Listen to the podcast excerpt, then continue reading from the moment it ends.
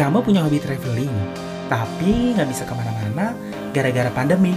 Ya udah, dengerin aja kisah perjalanan di podcast Jalan-Jalan Cuap-Cuap. Di sini juga ada tips seputar traveling. Penasaran? Langsung aja ya, dengerin podcast Jalan-Jalan Cuap-Cuap. Podcast Jalan-Jalan Cuap-Cuap dipersembahkan oleh denganwahyu.com. Kini saatnya berbagi cerita di podcast Rintik Titik Hujan.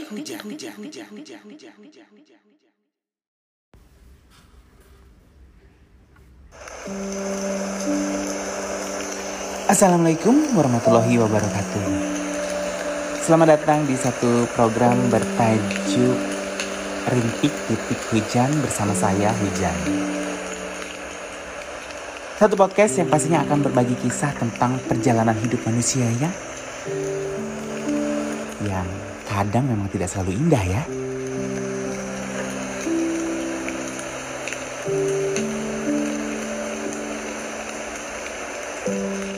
Di edisi, per, di edisi perdana kali ini, aku tuh bakal ngajakin kalian bicara soal pulang.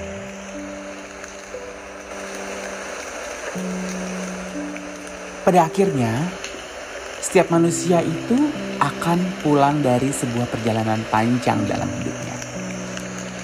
Yang kita sebut dengan berpulang.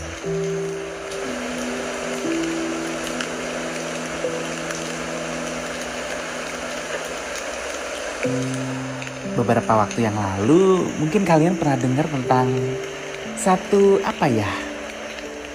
Satu keramaian di media sosial tentang mudik dan pulang kampung. Banyak yang terjadi dengan negara ini, dengan kita, dengan kamu, tentang Anda, tentang kita semua semenjak terjadinya pandemi corona.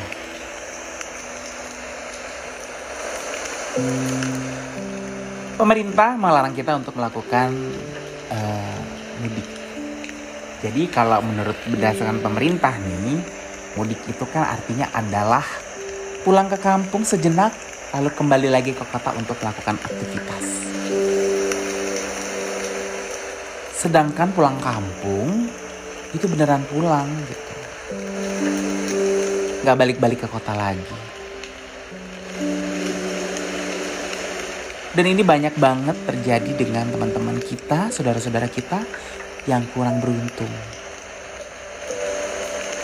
Yang mereka kehilangan pekerjaannya di kota besar, kemudian harus pulang agar bisa melanjutkan kehidupannya.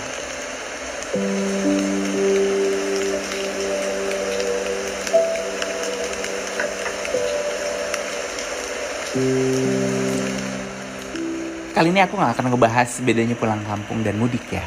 Tapi sih bakal ngomongin mungkin hal-hal kecil yang sudah kita lupakan tentang pulang. Tentang rasa yang mungkin hanya menunaikan sebuah kewajiban. Dan kita tidak pernah berpikir bahwa pulang, berkumpul dengan keluarga, berkumpul dengan teman-teman, ketemu dengan sahabat adalah sesuatu yang berharga.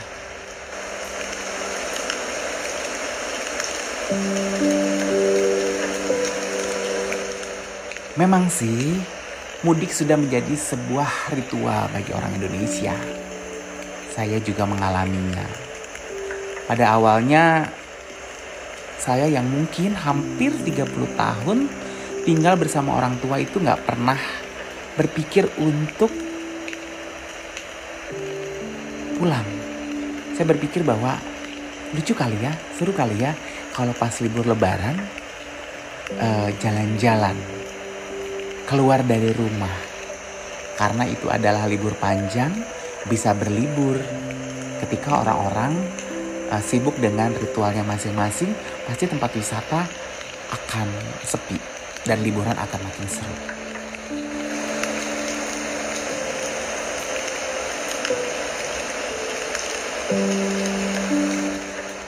Tapi saya ternyata salah. Jadi aku tuh memang sebenarnya uh, tidak pernah keluar rumah selain merantau pekerja ya gitu.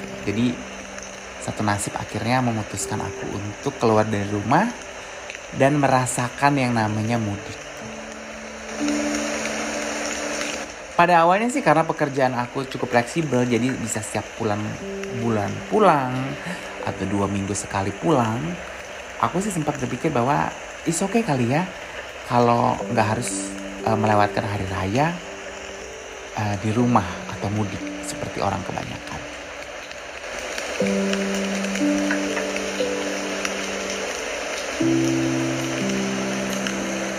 Tapi ternyata semuanya itu berubah ketika gue kerja di tempat baru, gue gak punya banyak waktu buat cuti dan pulang setiap bulan.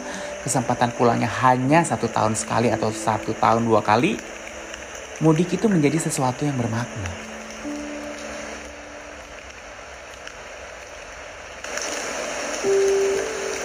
Banyak sih pengalaman mudik yang aku bilang lucu gitu ya. Ketika aku tuh jadi sebenarnya kan waktu itu pernah kerja di satu pulau lah masih satu pulau di Indonesia, cuman satu beda kota.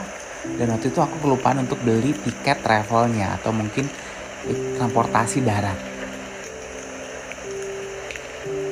Dan aku baru sadar bahwa satu hari lagi itu adalah Idul Idul Fitri dan tepat satu hari sebelum Idul Fitri itu aku harus pulang gitu. Kebetulan jadwalnya memang lagi off duty dan aku belum punya tiket buat mudik.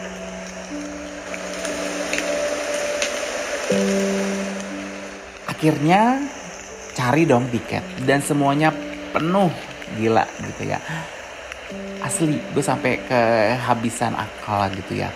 Gue coba cari tiket pesawat tapi nggak ada dan akhirnya ada satu tiket bus yang sebenarnya perjalanannya cukup panjang. Dia harus melintasi dua pulau.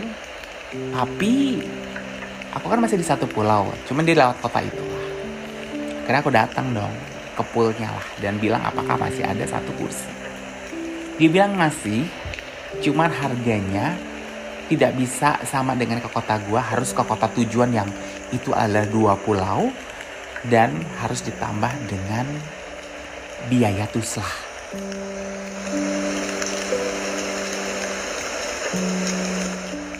Dan aku yang yang nggak mau apa ya kehilangan momen untuk bersama dengan keluarga ya udah tanpa berpikir dua kali langsung beli tiket berharap hari itu bisa langsung berangkat dan besok pagi bisa berkumpul dengan keluarga dan tidak kehilangan kesempatan untuk sholat id.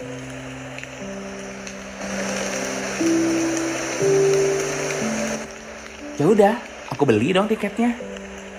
Akhirnya Tiga jam kemudian melalui satu perjalanan, di situlah aku merasakan bahwa pentingnya untuk mudik. Pentingnya untuk berkumpul bersama keluarga, bahwa kesempatan ini itu nggak akan, belum tentu akan bisa kita temukan di tahun depan.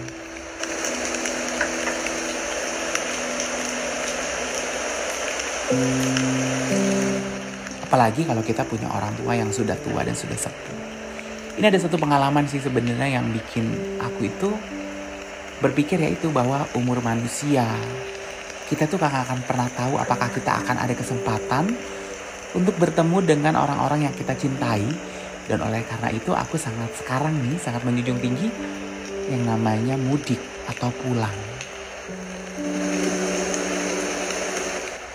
Jadi uh, waktu itu kan aku baru satu kerja nih satu pindahlah kerja di luar kota gitu. dan itu aku ingat banget sih kayaknya bulan uh, dapatlah satu kabar bahwa seorang teman itu sakit cukup parah dan mendadak. Itu bulannya Ramadan dan karena aku baru melewati satu perjalanan panjang aku tunda. Jadi aku bilang gini eh ya udah deh aku nengokinnya ada uh, bilang ke teman yang lain gitu. Nengokinnya besok aja gitu. Ada teman-teman ngajaknya hari itu ketika aku baru sampai lah ke kota. Tapi aku masih capek.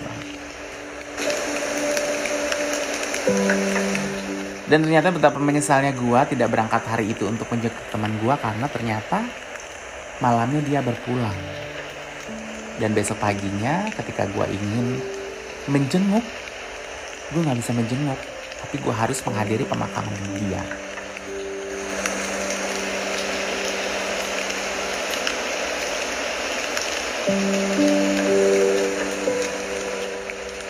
Nah pelajaran ini yang menyadarkan gue bahwa selama masih ada umur, kesempatan, rezeki, maka keinginan untuk bersilaturahmi dengan siapa pun itu jangan kita tunda-tunda. Apalagi di saat momen-momen yang memang kita tunggu seperti Idul Fitri.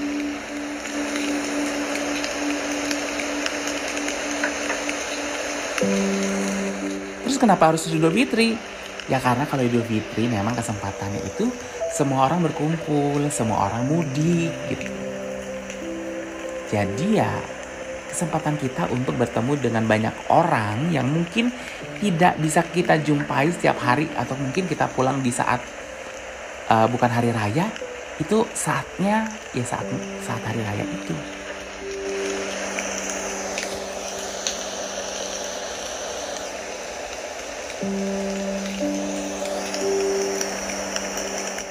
Lalu tuh semakin ke sini itu gue merasakan bahwa mudik adalah sesuatu ritual yang berharga. Yang gue tadinya tidak tidaklah berpikir ah apa sih mudik, apa sih pulang beramai-ramai dan berbondong-bondong, apa sih membuat macet di mana-mana, membuat harga tiket mahal karena harga permintaan jauh lebih tinggi daripada ketersediaan pasar. Kenapa sih harus belanja saat mudik? Kenapa sih harus membawa oleh-oleh begitu banyak?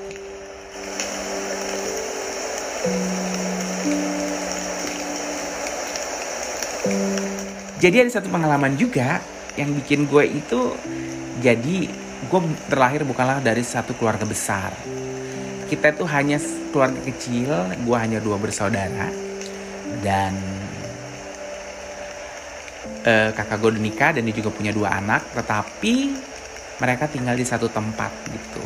Ya beda rumah, cuma masih di satu kampung jadi ya sangat dekat lah hubungan kita. Jadi uh, gue sih biasa memberikan hadiah ataupun memberikan apa pun kepada ponakan-ponakan gue itu tidak hanya di hari raya. Tapi pada satu hari raya nih, setelah lama gue nggak pulang, ya mungkin hampir setengah tahun lebih, gue pulang dong gitu. Dan gue pikir sih ini seperti pulang ke rumah seperti biasanya, gue tidak membawa apa-apa tapi ternyata mereka itu ekspektasinya tinggi. Langsung ketika gue datang mereka menyambut gue dan tas gue dibuka terus nggak ada apa-apa. Dan mereka tuh langsung kecewa banget gitu ya. Terus nyokap dan bokap tuh bilang ke gue besok kalau mudik bawalah sesuatu.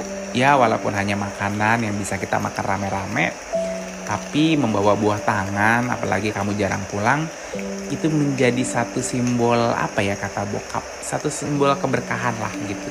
Jadi ketika kamu pergi jauh untuk mencari rezeki mencari makan gitu nah ini adalah hasilnya kamu yang bisa kita nikmati sebagai sebuah keberkahan bersama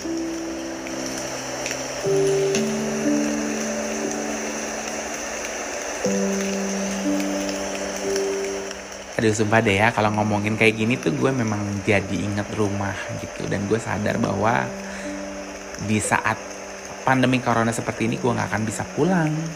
Nggak akan bisa mudik. Dan jujur yang paling gue takutin untuk sekarang ini bahwa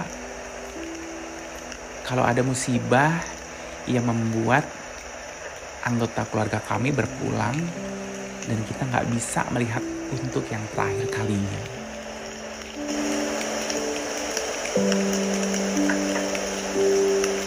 Sedih, tapi itulah kenyataan yang terburuk yang harus kita hadapi. Seperti temen gue yang harus kehilangan ayahnya di saat kondisi seperti ini dan baginya untuk pulang kampung itu nggak gampang Makanya satu-satunya cara yang harus bisa dilakukan adalah ikhlas. Ikhlas memang mudah untuk diucapkan. Kita bisa ngomong, saya ikhlas, saya kuat. Tapi nggak ada yang pernah tahu apa yang sebetulnya ada di hati kita kan.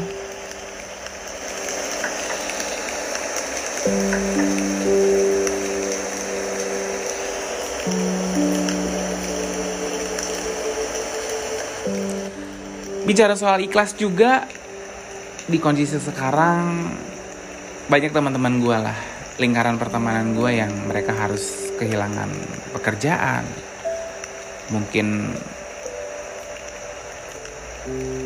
tidak buruk lah mungkin penghasilannya berkurang karena mereka bekerja di dari rumah kemudian ada kebijakan perusahaan yang membuat penghasilan mereka tidak seperti dahulu lagi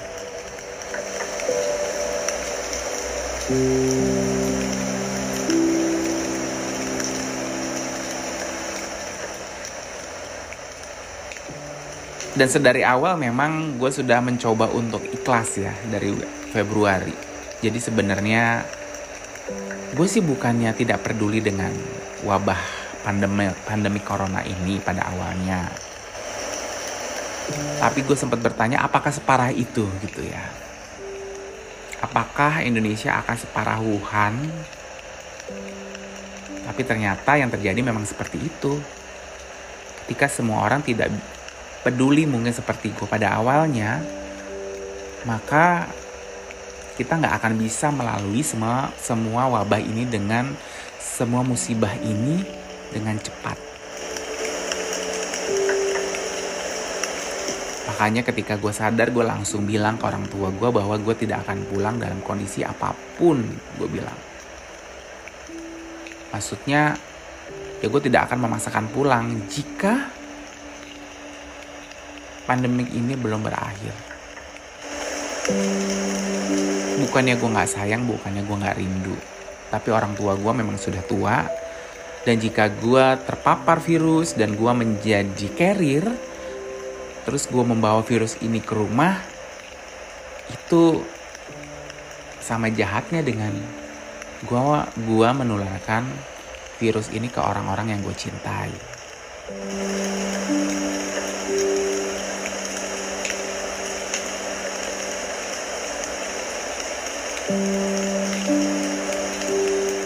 Banyak juga cerita tentang pulang yang memang harus pulang. Ini seperti terjadi di tempat gua tinggal. Satu pulau yang dulunya pernah gegap gempita sebagai salah satu sektor industri yang diagungkan di negeri ini, tapi dengan kondisi ekonomi yang tidak membaik maka ribuan orang harus pulang. Pulang, pulang, pulang kalah kalau kita bilang.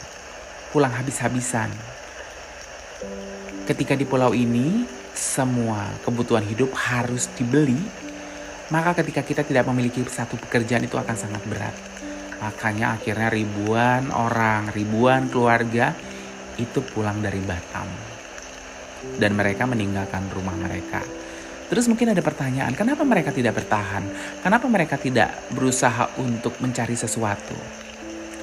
Batam itu beda. Batam itu sektor utamanya adalah industri Batam itu tidak mudah untuk bercocok tanam. Batam itu tidak seperti di kampung. Ketika kamu mungkin bisa meminta beras kepada saudara ketika kamu tidak memiliki uang dan tidak makan. Semuanya harus dibeli di Batam. Dan ketika kamu tidak punya uang, maka keputusannya adalah kamu harus pulang atau pulang kampung.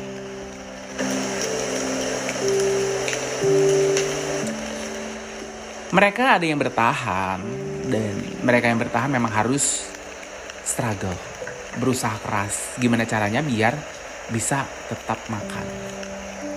Ini banyak banget sih gue ketemu dengan beberapa driver online ya. Mereka yang dulunya itu bekerjanya adalah di perusahaan-perusahaan besar perusahaan-perusahaan asing yang gajinya hingga puluhan juta. Tapi pada akhirnya ketika sektor oil and gas turun maka perusahaan tempat bekerja itu memutuskan hubungan karyawan dan mereka harus menjadi pengangguran. Tapi mereka pikir dengan tabungan mereka bisa bertahan beberapa tahun di Batam. Kemudian agar hidup tetap berjalan mereka melakukan ya apa pun lah. Ada yang berdagang makanan kecil, ada yang dagang online, ada juga yang menjadi supir online. Dan gue sempatlah ketemu dengan satu perempuan yang dia single parent jadi super online dia harus bertahan karena dia punya anak dan dia berharap sih kondisinya tidak akan panjang. Hanya setahun dua tahun dan dia pikir bisalah bertahan. Tapi dengan kondisi seperti ini aku nggak pernah tahu. Apakah mereka yang sudah di ujung tanduk, yang sudah di ujung limit, eh, secara ekonomi, apakah tetap bisa bertahan?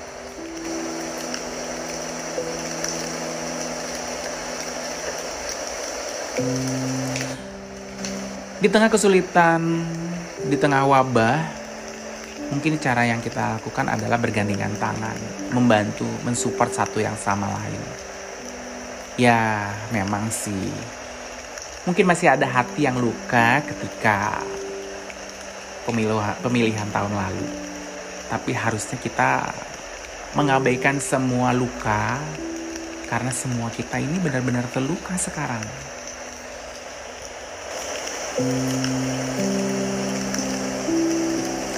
Dan kita harus bangkit ya.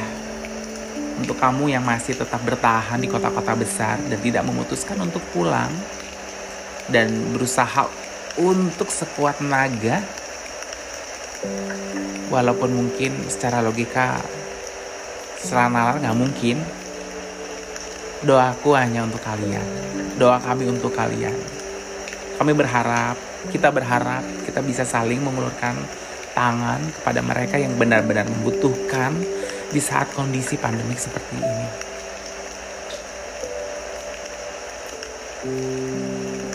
Inilah kisah pulang pulang yang mungkin gak orang banyak tahu. Dan untuk kamu yang mungkin kekeh ingin pulang, ingin mudik, saya sih tidak pernah melarang. Saya bukan pemerintah. Tapi tolong pikirkan apakah pulang mudik itu membawa kebarokahan bagi orang lain.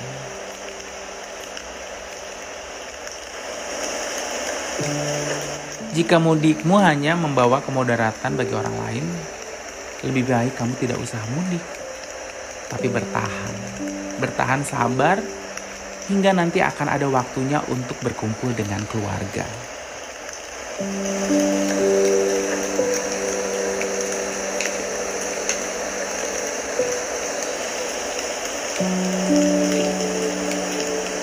Terima kasih untuk mendengarkan curahan hati saya, hujan tentang pulang dan mudik. Semoga kita bisa tetap kuat. Semoga wabah ini cepat berakhir. Semoga ekonomi dunia, ekonomi Indonesia semakin membaik. Dan saya Hujan undur diri. Dan saya akan hadir dan pastinya hanya di podcast rintik titik hujan.